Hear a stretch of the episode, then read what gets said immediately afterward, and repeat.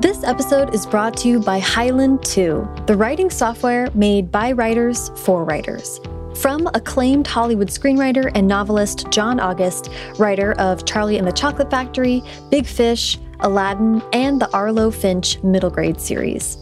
Though it started as a screenwriting software, Highland 2 is capable of handling anything, from blog posts to dissertations, and yes, even novels. Highland 2 comes equipped with a novel setting, which will automatically format your book to an industry standard format.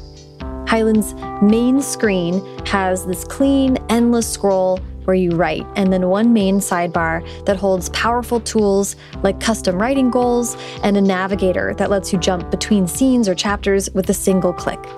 And you can export the document into any format you need, including as a Word doc. For more information and to download Highland 2 today, go to highland2.app. That's Highland, the number 2, dot app.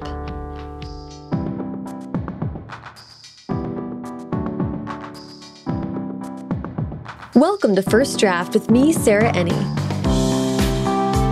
This week I'm talking to Lev A.C. Rosen, author of Depth and Jack of Hearts and Other Parts, to talk about his latest young adult novel, Camp.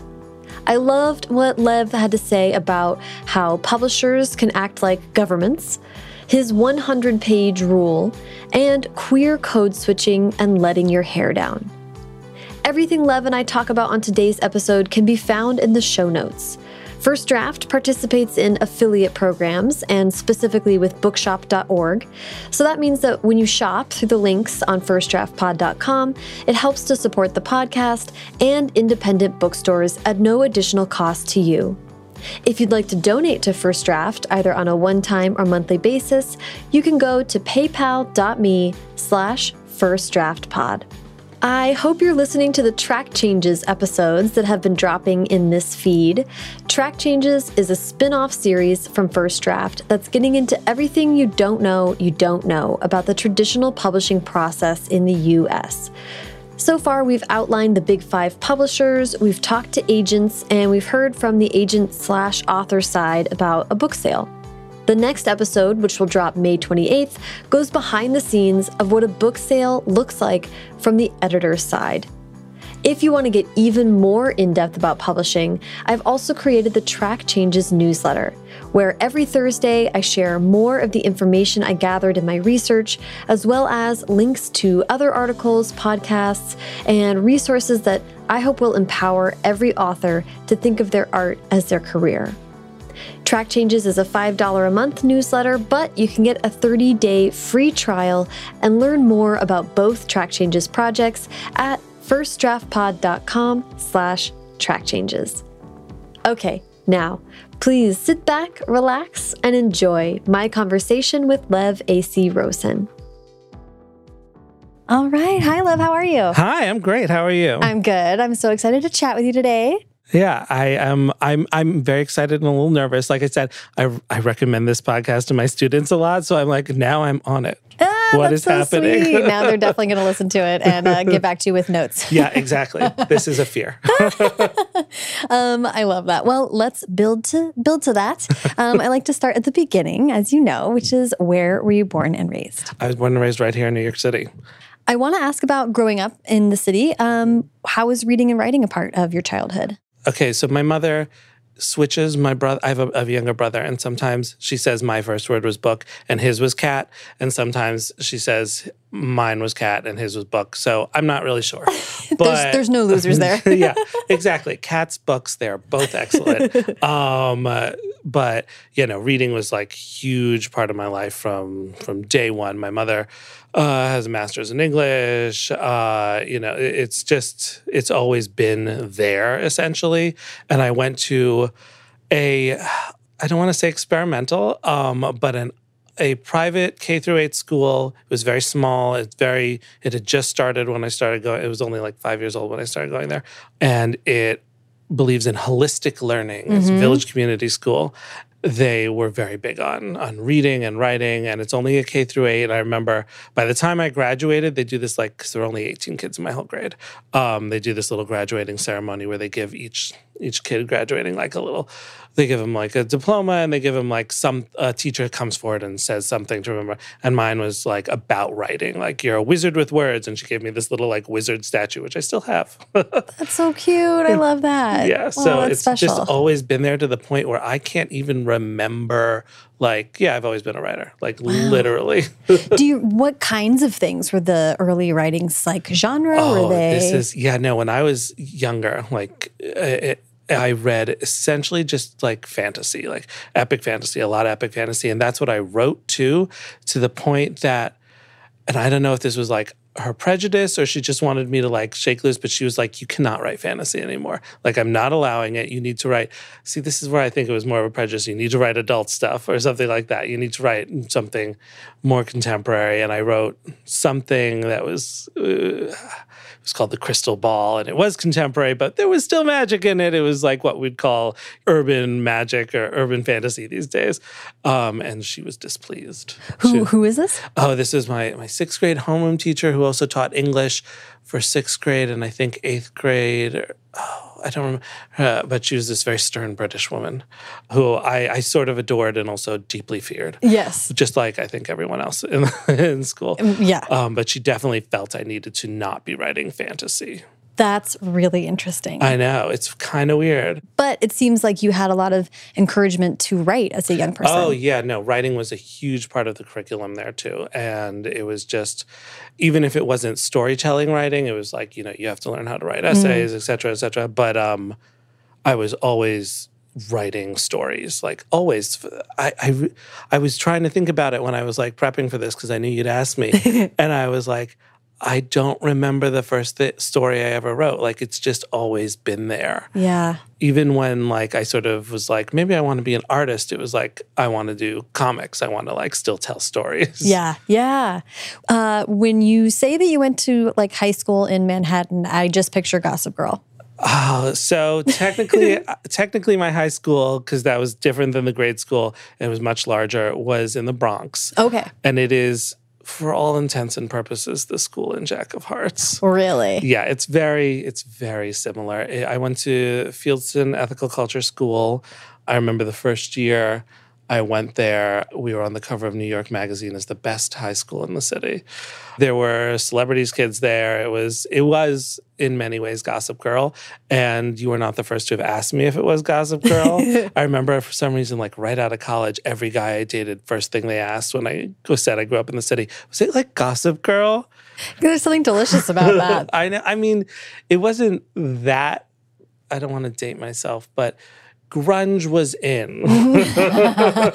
um, so it wasn't as preppy as a, a Gossip Girl or anything, but um, it was definitely like a lot of very wealthy kids in a confined space and a lot of them were great people and still are and a lot of them were not great people at the time and i don't know how they are now I like Um, that.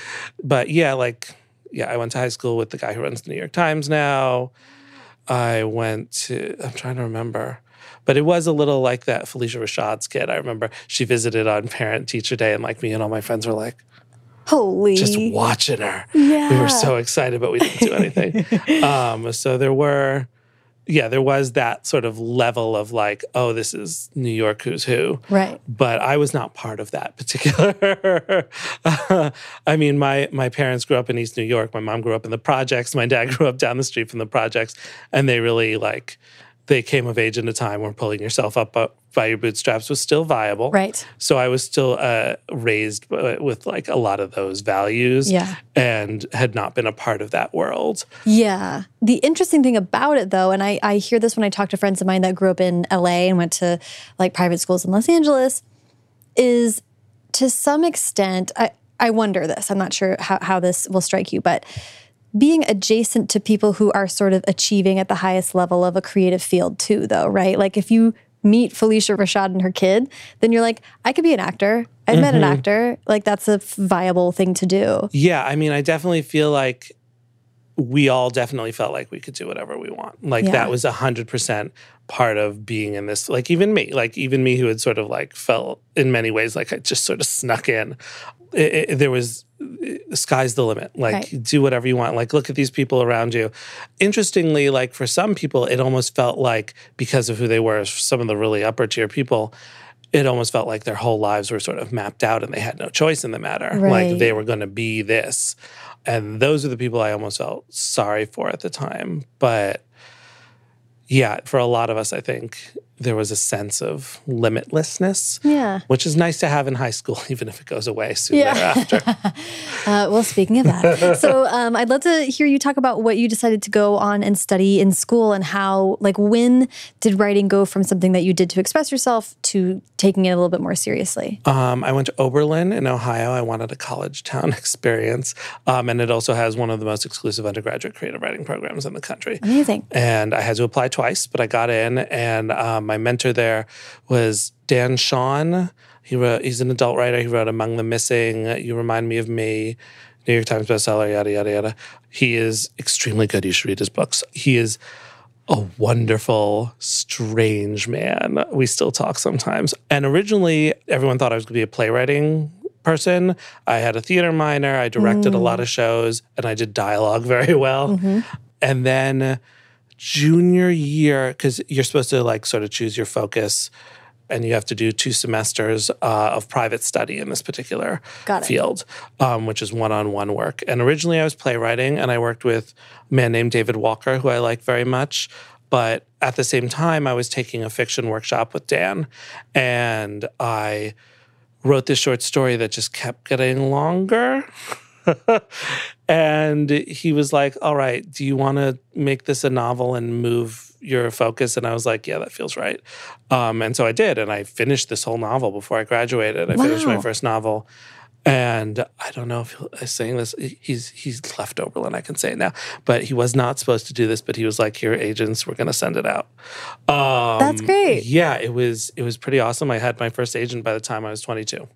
That's amazing. Yeah, we never sold that book. Oh, well, that's also not an uncommon story, but at Yeah. least you have someone that's like encouraging you and connecting you with people who can make it happen. Mm-hmm. I love also that your first novel was written with like help and feedback. Oh yeah, no. Uh, every week we met. We met for lunch at this. Uh, I can't remember the name of the restaurant. Oberlin's small town, but we met for lunch.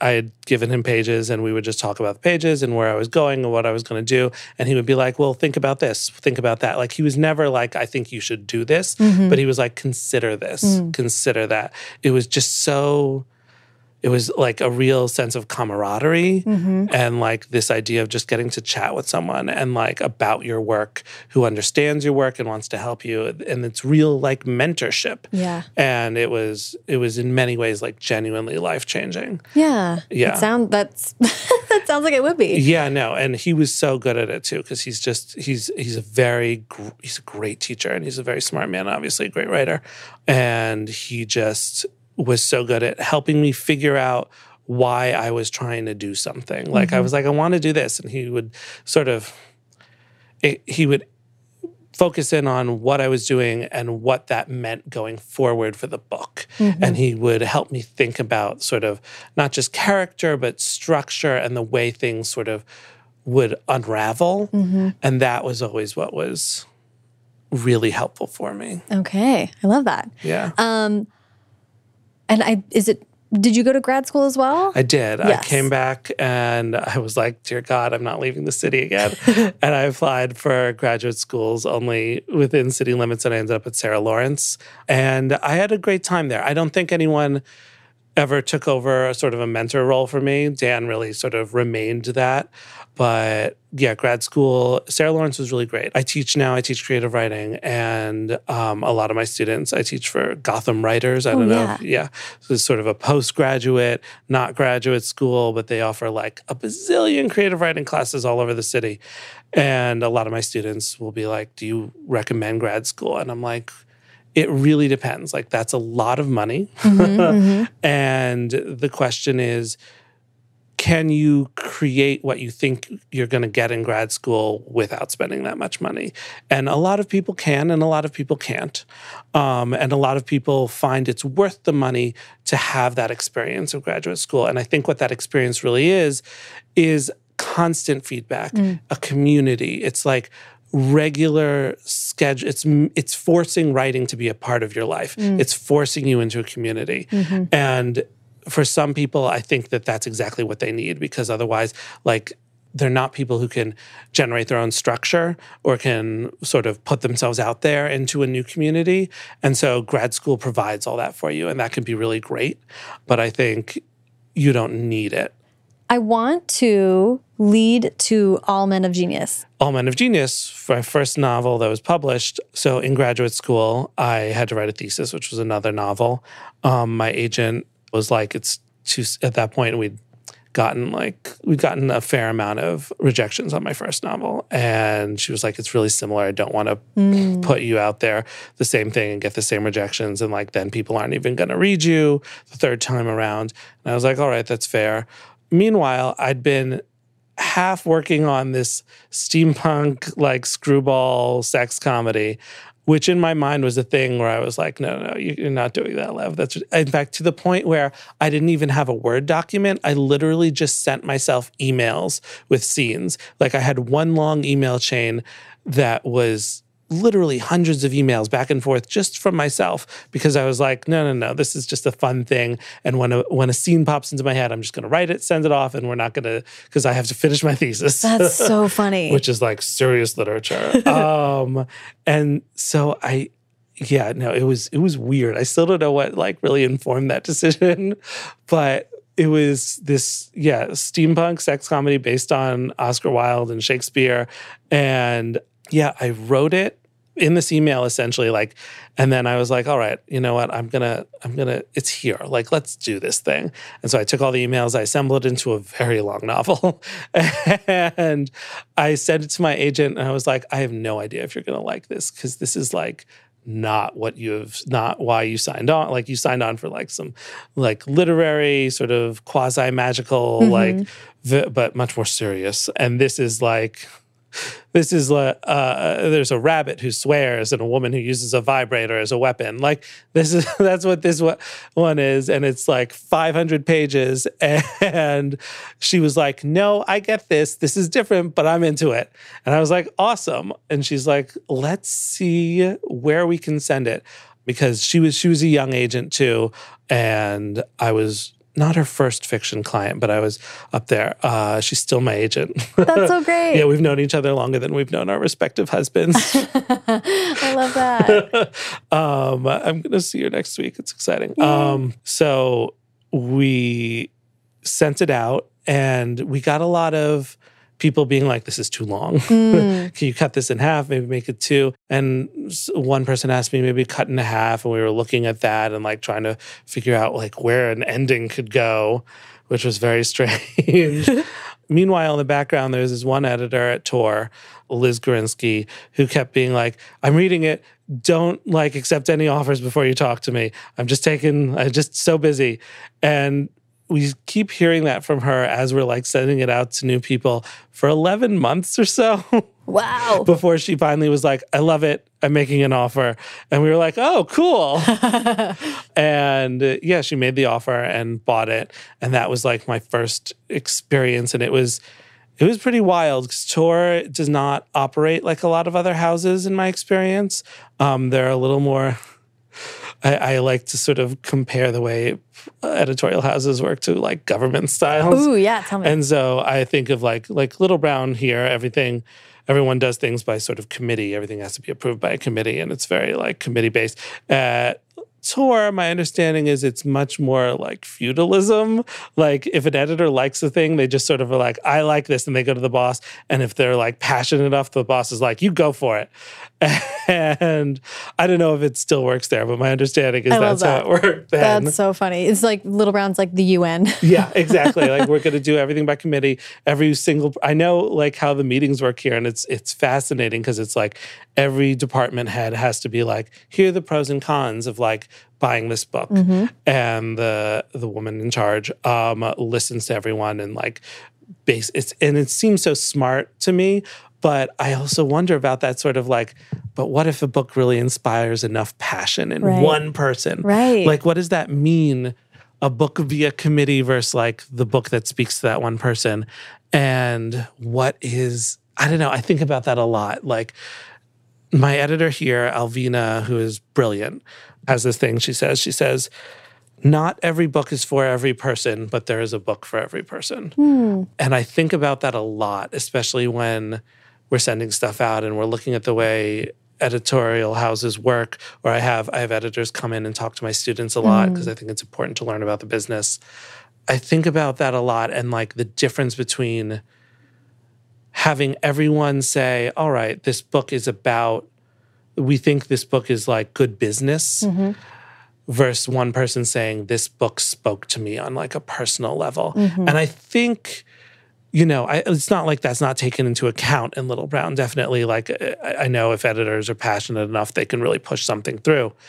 But i think about like what that means for the business and how the business works you know? Yeah, yeah. There's a lot. I'm I'm doing a lot of talking to editors and agents right now for uh, a, a mini series that by the time this is out, hopefully will be public if not I'll cut this. But um, I've been doing a lot of talking to industry professionals about how it works behind the scenes, learning about P and L sheets and acquisitions Oh, man, yeah. meetings and all of this very detailed stuff that I kind of knew before, but now I'm like, whoa. it's so important to learn about that stuff too if you're going to be in the industry this Yes. is like when i when i was in graduate school i already had an agent so i didn't go to a lot of the agent talks and Right. stuff but a lot of my friends did and they didn't necessarily come out with an understanding of the the way the business works beyond getting the agent right. Yes. and so that's why when I teach now, I'm like, I bring in an editor, I bring in an agent, I bring in someone from publicity. I'm like, this is this is how your book's life cycle looks, and these are the people who shepherd it during those times. You need to understand what attracts their interest, how you can work with them, and I feel like a lot of schools just don't teach that. No. Not- yeah, not at all. I remember we had a senior colloquium at Oberlin for creative writing people, and it was more about like teaching you how to read out loud and like performance and stuff like that, which is absolutely valuable. But I don't remember anyone coming in and being like, all right, here's what a P&L is. Right. And like, you know, this is how they make decisions. This is why comp titles are important. And like, you yeah, and like never compare your book to Harry Potter. I know, because you hear that all the time. Like, don't compare your book to Harry Potter. But I'm like, but why? Yeah, it's actually useful to know. Yeah, they need something reasonable to compare your book to. There's some parts of publishing that think, you know, you're always, as the author, half the time you're hearing people being like, well, don't worry about it. I'm like, you know what? Yeah, Let me worry about it. It's my about it. livelihood. This is like how like I don't understand that. And what's hilarious is I'm sure you've had this experience too. But um one of the other things is even when you think you understand it, you do not understand it because it is so weird out there. Yep. And like Everyone does it different. Everyone does it different. Like I said, like Tor, Little Brown, like that's just two houses. There are so many different ways that these uh, each house works, and like committees, or like maybe it's three people you have to get it by. Maybe you just need three other editors to come with you to say yes, this is where. Like there's so like you have to like form a gang essentially. Yeah, totally. Oh my god, that's a good way to think about it. You like street fighting West Side Story style. Um, that's amazing. That's how I'm gonna picture all editorial meetings Yes! from now on. The sharks. book, real good book. You know what? That would probably work. In some rooms, that would probably work. Okay, I'm not going to take up all of your time uh, asking you about that, but that is such a. Uh, thank you for getting into it a little bit, and I, I'm Oh, really no, glad I for your students. talking about the business because I think it's so important for Yeah. writers to know about. And like, it's not just about how good your book is. Like, and that's one of those things that is so horrible to hear on some level because, like, there are a lot of good books out there. There are a lot of great books. Just because you wrote a great book does not mean you're going to get published. Yeah. It's about understanding how everything works after that. And you write a great book and then you send an email to an agent. I have some agent friends, and one of them, I will not say her name, but she got a query letter that was also a personals ad where it was like, yeah, yeah, Oh boy. where it was like, hey, well, here's my book. I think that, you know, I'd love it if you represent me. And by the way, I saw your picture. You're really hot. Here's a picture of me. and I was like, what the What? who thinks that's appropriate? Oh my gosh. but a lot of people do. Or there was, I saw someone tweet about this, and I almost, oh man, if I hadn't had an appointment, like I almost canceled an appointment to go fix it. There was a nice lady who'd driven up to New York for the day with telling no one beforehand because she had her novel and she wanted to meet with agents. She was calling around and being like, "Can I come in and meet with you today?" And they were like, "That's that's not how it works." And like she apparently was just like sitting in Washington Square Park or something really sad. And I really wanted to cancel my appointment and just go to Washington Square Park and be like, let's talk about business for a while. Yeah. Um, Oh my uh, gosh. But yeah, no, my mom would have killed me if I canceled it. um, so people with the best of intentions, even if you don't understand, like the best intentions, the best book, if you don't get the process of how all of this is going to work, then you're not going to get published or you're going to quit before like I, I have friends who went to graduate school and like they got like five rejections they got an agent they get five rejections and they're like i'm out and i'm like five yeah. whatever Multiply that by quite a few. yeah Uh, like whatever like yeah. and this is why i always come back to alvina's saying uh, not a, every book is for every person but there is a book for every person and you just have to find that person Uh, I want to lead up to, to the YA, but uh, you there your second book was Depth, yes which is also very genre bendy. Yeah, it's noir sci-fi. I really wanted to do something very Blade Runnery, Ooh, yeah. and I wanted to do something very New Yorky, but I felt like I couldn't. I felt like we like what you were talking about before. The sort of gentrification of New York didn't allow a contemporary gritty noir to take place in the same way, and so part of me wanted to like go back. But then another part of me was like, what if we just went to the future and like, you know, flooded New York and made it essentially this like city of boats, decommissioned boats and bridges, like far away from the mainland, where like all the criminal activity happens now. And you were kind of on the you were on the cutting edge of like climate uh yeah, genre. it was pretty early, and like now you see like um, like several people much more famous than me have books that take place in New York after global warming, and I'm like, wait a second. um, but it's fine. I'm sure they never heard of me or my book. But uh, um, I really, I really love that book too, and it's got such a great cover. It's Yeah. a great cover.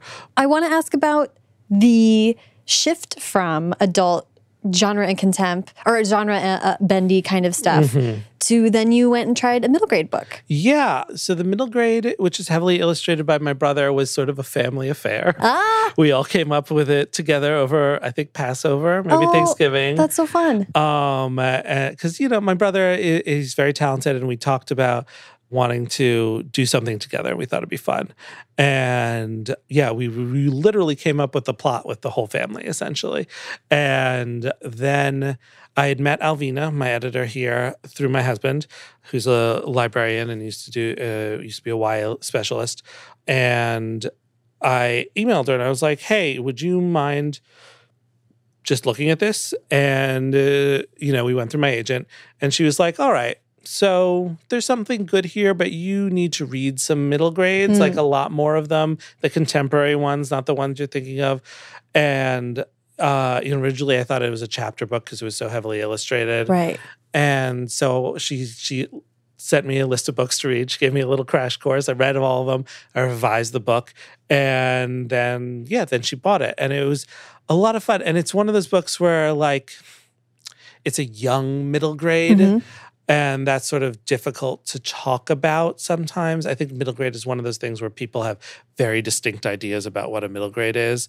But for me, it was like a very political book. It was about trying to like help people understand change isn't a bad thing, even if it's painful. Yeah. Do you mind? Um, we're talking about Woundabout. Roundabout, yeah. Do you want to pitch that story for us real quick? oh man, it's been a while. I know. Um, yeah, it's about a brother and sister and their pet capybara, who, after the death of their fathers, go to stay with their aunt in Woundabout, a town where nothing ever changes, to the point where there are rules about it and there's sort of a supernatural hmm. element that keeps everything from changing.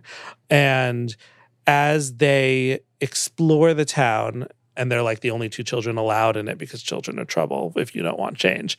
Um, they stumble across the uh, the things that are keeping the town from from changing, and they start to undo the locks essentially, and they realize that the, the the reason they want to do this is because if nothing ever changes, they'll never get over the grief of the death of their fathers. Meanwhile, it turns out everyone has come to this town essentially to avoid grief in some form or another. And so change coming back to the town means they all have to sort of deal hmm. with stuff. And so they try to stop the kids and yeah. Hmm. Chasing Yeah. capybara heavily. It's it's cute. Like it's a sweet book. It's very like I don't know if I can say this because I'm not a Buddhist, but in my mind, it's very Buddhist. um, in this very sort of like change is inevitable, and you have to sort of let it happen and then let go. Yeah. And like that's how you move on from grief, which is what is, the story is about for the kids, and how you move on from trauma, uh, which is what all the adults in the town have experienced. Then I did another middle grade, which we talked about earlier with the the kid and playing the fantasy game and how it's sort of an epic fantasy in there. Yeah, and and just my kind of transition question, or when I was looking at the arc of your career, that is like a high fantasy, but it's also a very contemporary story. Yeah, it's extremely and it's it's I always tell people it's a laugh riot.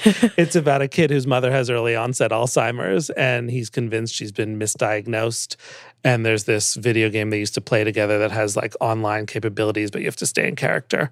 And that was an older middle grade, so I generally start I started moving up. Yeah, and a little bit more into contemporary spaces. Yeah, I think of Woundabout as as being contemporary too. Like there's smartphones in it and stuff, um, but it's very much it's a fable. You know, that's that was the intention with it, and the the memory wall was the first like.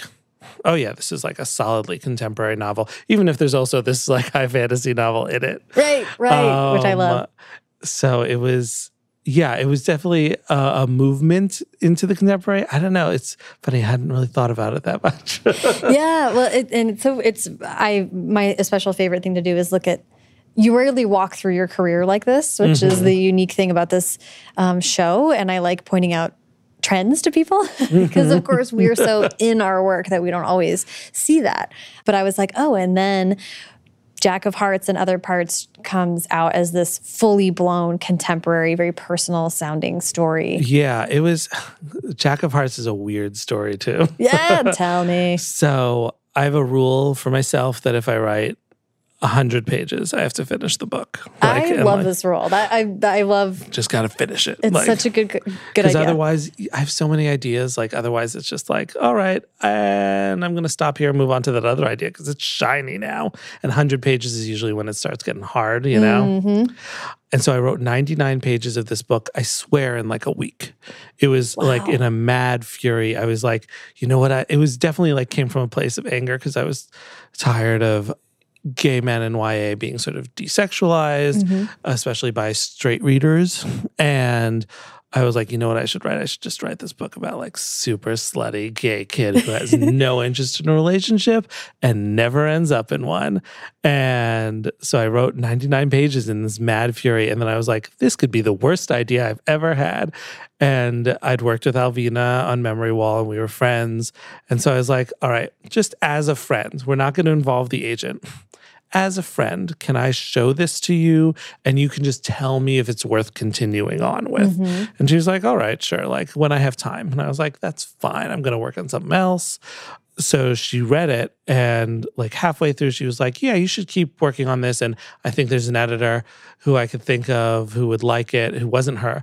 And then she got to the end of it and she was like, yeah, you should submit this to me right now. Um, and we teased that one editor who works down the hall from her now at Jimmy about how he almost had it. but uh, yeah, so we submitted it and she bought it. And then I finished it. And it was it, yeah, it just sort of happened. And yeah. it was like one of those things where I was like, what is even happening? What's going on? I'm writing YA Contemporary now. That's also a sex advice book. Yeah. Uh, yeah. Do you want to pitch the book really quick? So Oh, uh, a- yeah. Jack of Hearts. Like I said, it's about a unapologetically slutty gay teen at a private high school in New York City, similar to the one I went to. And he is he there's a lot of gossip about his sex life and his friend convinces him to sort of try to take control of that gossip by writing a sex advice column for her blog.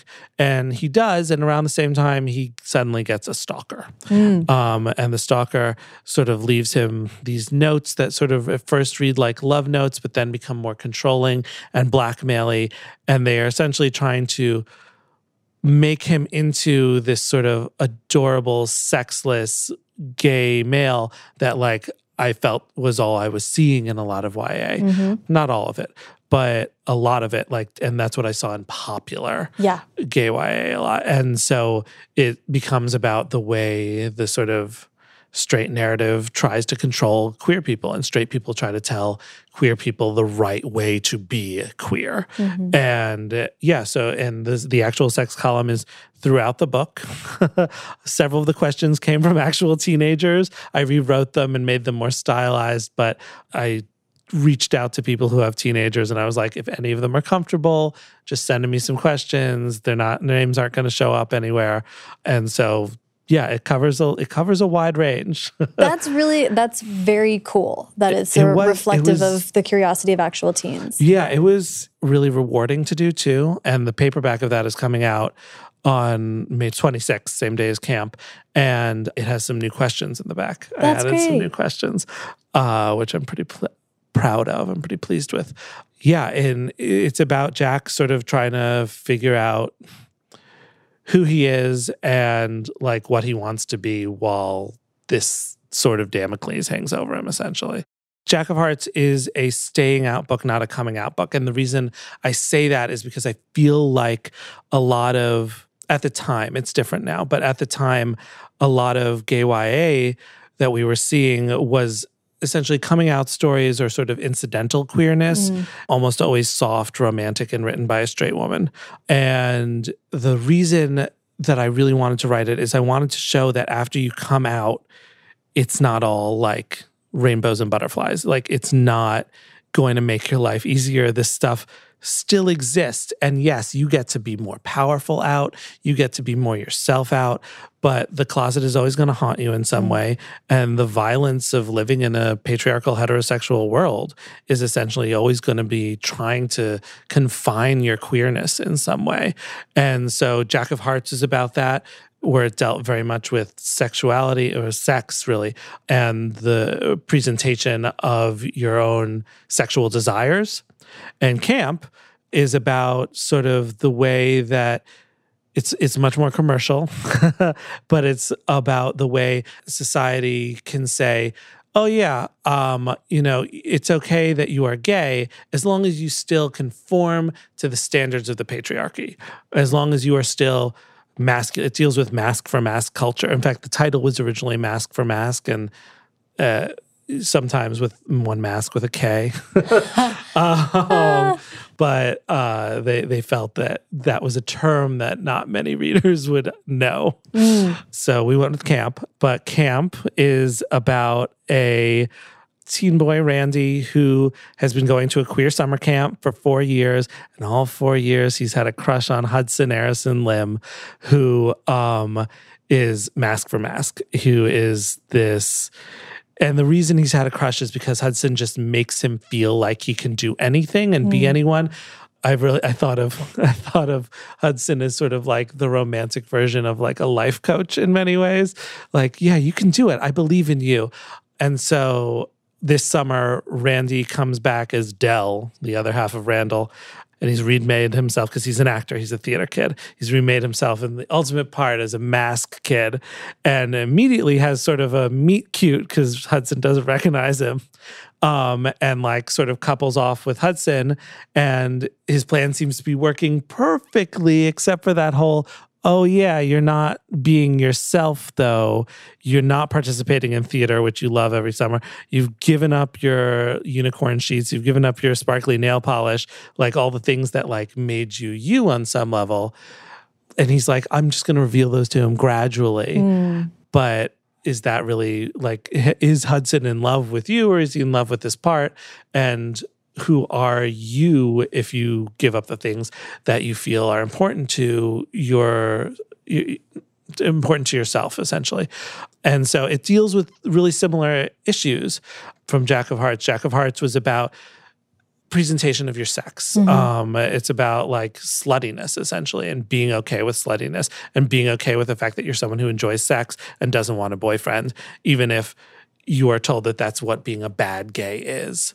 Um, and camp is about being okay with the fact that you're a gay man who wears nail polish and like acts and talks with his hands and you know has sparkly glittery unicorn whatever and all these things that i feel like we're told you're not supposed to be. You know you're you're a bad example for queerness. I talk about the glass closet a lot mm. which is this idea that once you're out you will find a lot of people who are like, I love gay people. Gay people are great. So happy. I'm pro gay marriage. Like, I'm really happy that you get to be yourself around me. But here's what you are supposed to be as a gay person. And if you step out of that closet, then you are a bad gay. Hmm. And I don't want to be a part of your life. You're being too in your face about it. You are dancing on a pride float in your underwear and you're making everything about your sexuality. Anything like that. And that's the sort of homophobia that I grew up with growing up in uh, a liberal New York private school environment. And so that's really wanna, what I wanted to take on in both books. In Jack, it, it focuses differently for sure. I think camp tends to be about the way gay people can be recruited to police other gay people as opposed to just being like harassed by a straight person in Jack. But because camp, you know, it takes place at this queer summer camp, there shouldn't be that sense of what the the outside world wants you to do essentially and yet there it is Yeah. where's in- that coming from yeah Internalized homophobia. and so the, uh, it, I, I won't lie, it's a similar theme, but I think it's a different variation. And I think it's also like the the point was, you know, something that wasn't like where the 100th word of Jack of Hearts is the word 4G. so something that was going to be a little more palatable to gatekeeper types Right. um, something a bit more commercial. And I don't like. I, I used to feel a little like ashamed saying, "Yeah, it was a little more commercial version of camp," but I don't anymore. I'm like, no, I want to get this out to as many people as possible. And like the truth of the matter is. You know, uh, queer books, especially queer books with sex, tend to be sort of quietly banned, you know, the silent banning. And so I was just like, yeah, I'm going to write it. It's going to be fun. And it was fun. Well, I was going to say it's very. It's also kind of bringing back some of those like farce elements. There's a lot of um, like. It's so visual, you know. While I was reading it, I really was picturing it and was really having fun with those characters. And and uh, and for some reason, I associate this with kind of plays, but it was just like I was seeing them move through space in this way that felt very theatrical. Yeah, it was. I mean, it was a blast. And it's also Thank you very much, Very then. funny too. Like uh, you know, I'm I'm struck by your uh, genre doesn't always get the opportunity to be funny, but when you moved into this kind of YA contempt space. Mm-hmm. It feels like you got the freedom to really that dialogue you were talking about earlier, really having fun with that. Oh yeah, no, it's it's a lot. It's funny. I've been talking with the person who did the audiobook for Jack and is doing the audiobook for Camp, um, named Drew Caden. Although they also go by um, Virgin Xtravaganzah. They are a drag queen in the UK. Um, Amazing. And you should absolutely check out their Instagram account. Their looks, they always look sort of like a a camp or a fetishy Virgin Mary vibe. It's amazing. It's amazing. They were saying like the du- it, th- what they love so much is the dialogue and the way like it feels like the conversations queer people have, Right. which maybe straight people don't know, aren't always privy to um, when we talk about stuff like gender presentation, and we do, and I think queer teens do because like we're very aware of this, always sort of over our heads. And so that that made me very happy that like another queer person responds so well to it. Yes, the idea was I wanted to do like one of those those old uh Hudson Doris Day where it's like a romantic comedy, but someone's pretending to be someone they're not. And like they're doing it to seduce someone, but maybe they actually fall in love. And that vibe, but you know, you can't do Battle of the Sexes when everyone's male. So it became sort of battle of gender presentation. right right well and and and what you're describing too i mean i'm relating to it from a being told you're too much you're too loud you're be you know be Mm-hmm. quiet conform is like what we're talking about is toxic masculinity at the root Yep. of all of this which speaks to certain queer presenting people and women and minorities of all kinds and um, wants to tamp them down and fit them into a white male cis mold uh, which is it- quite boring The only way you can be taken seriously is if you behave in the following way. There's this old boys club, even no matter how talented you are, if you're gay, you don't get to be in that old boys club unless you like are really under the radar gay. Like unless you know like unless you like talk about your husband. Like I don't want to know what the hell I'll go for. Unless you're Pete Buttigieg, like that's the sort of vibe. And this is why, like, I think what he did was inspiring, and I don't loathe him the way a lot of people do. Um, although he never had my vote, but yeah, I think that the way a lot of straight people want gay people to be is that. And I think that's why a lot of gay people respond negatively to him as Right. well. And on some level, there's there's a lot of gay people who can do both, like uh, code and- switching of a yeah, code, kind yeah, we 100% code switch in the office. Um, you know, you become this one, and then you, I always say letting your hair down. It's a very old gay expression that I love. When you let your hair down, that's when you know all of a sudden, like you get to be campier. right right You get to lip sync, you get to talk about stuff. But the fact that you have to put your hair up essentially to get ahead in business, to get ahead in the world, to be taken seriously, or in the case of camp, to get a man, um, becomes deeply problematic and like so stressful and weird. And it's just, this is what you know kids today are still dealing with. Like you know we love to say oh yeah it's great now. And maybe maybe where i went to high school it is like but you know middle of ohio there's plenty of kids who are like all right i'm gay but i can't act gay Yeah. And the last question I'm going to have for you, I'm sorry we could talk about this all day. I know, And I'm hopefully we can talk again I'm soon. sad. um, I, d- I, you know, as you know, I wrap up with advice, and I would just love to hear advice you give to young queer storytellers who want to tell their Oh, story. specifically Yeah. Um, uh, well, the advice I was going to give before, when I just thought it was general advice that I'm going to give anyway Yeah, right now is cover page. Do a cover page. I know people talk about playlists. There's Oh. nothing that gets me more in the headspace of a book than opening it up and having a cover that like download some free fonts, make it amazing, that like just speaks to the vibe of the book. Oh. I tell my students that one all the time. I love lo- that. Yeah, it's uh, it's like people. It's underrated. Like they all have the Times New Roman underline, but for queer storytellers specifically, I think what I would say is like don't be afraid of the straight audience. In fact, don't even care about the straight audience. Write your books for a for essentially teenage you or for you know your friends when you were a teenager. Mm. Write your books for other queer teens because those are the ones who are going to be reading this and seeing themselves in a page. I always when I I talk about the importance of own voices and authenticity. I always say, you know, if you're not going to be writing from your perspective, which I've done, absolutely, you have to be asking yourself, why? What are you mm. doing? And you have to be taking into account, especially with kids, who's going to be reading it and seeing themselves on the page. And if you're fetishizing that person, if you're seeing this character because of their sexuality, race, gender as sort of uh, a, a, an object, then the kids who read that book who identify are going to see themselves as objects too. Right. And that's what I don't want. So I think what's most important if you are queer is to tell your story or tell the story you needed, which feels deeply generic. So let's talk about the cover pages. I love that. Oh my gosh, that, no, that's wonderful advice. And thank you so much for taking all this time to talk oh to me. oh my God, today. thank you. This was a delight. Yes, same. okay, we'll talk to you soon. Yay. Bye. Bye. Thank you so much to Lev. You can find him online at levacrosen.com and at levacrosen. And you can follow me on both Twitter and Instagram at Sarah Enni and the show at First Draft Pod.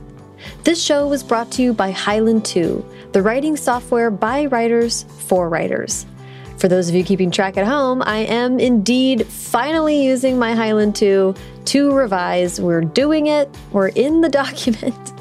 It is happening. A quick and easy way you can support First Draft is to subscribe to the podcast wherever you're listening right now. And if you have a couple minutes, you can leave a rating or review on iTunes. I'm going to read a recent review that is a perfect example of this, straight to the point. This was left by ADub Seattle. ADub says, Great, five stars. What a great podcast. Interesting and well done. Thank you so much, ADub. I admire your economy with words. And as someone who's revising a book, it's, it's actually completely, truly an inspiration. Thank you so much for taking the time to leave that review. I really appreciate it. If you have any writing or creativity questions that me and a future guest can answer in an upcoming mailbag episode, I would love to hear them. You can call and leave your question at First Draft's voicemail. That's at 818 533 1998.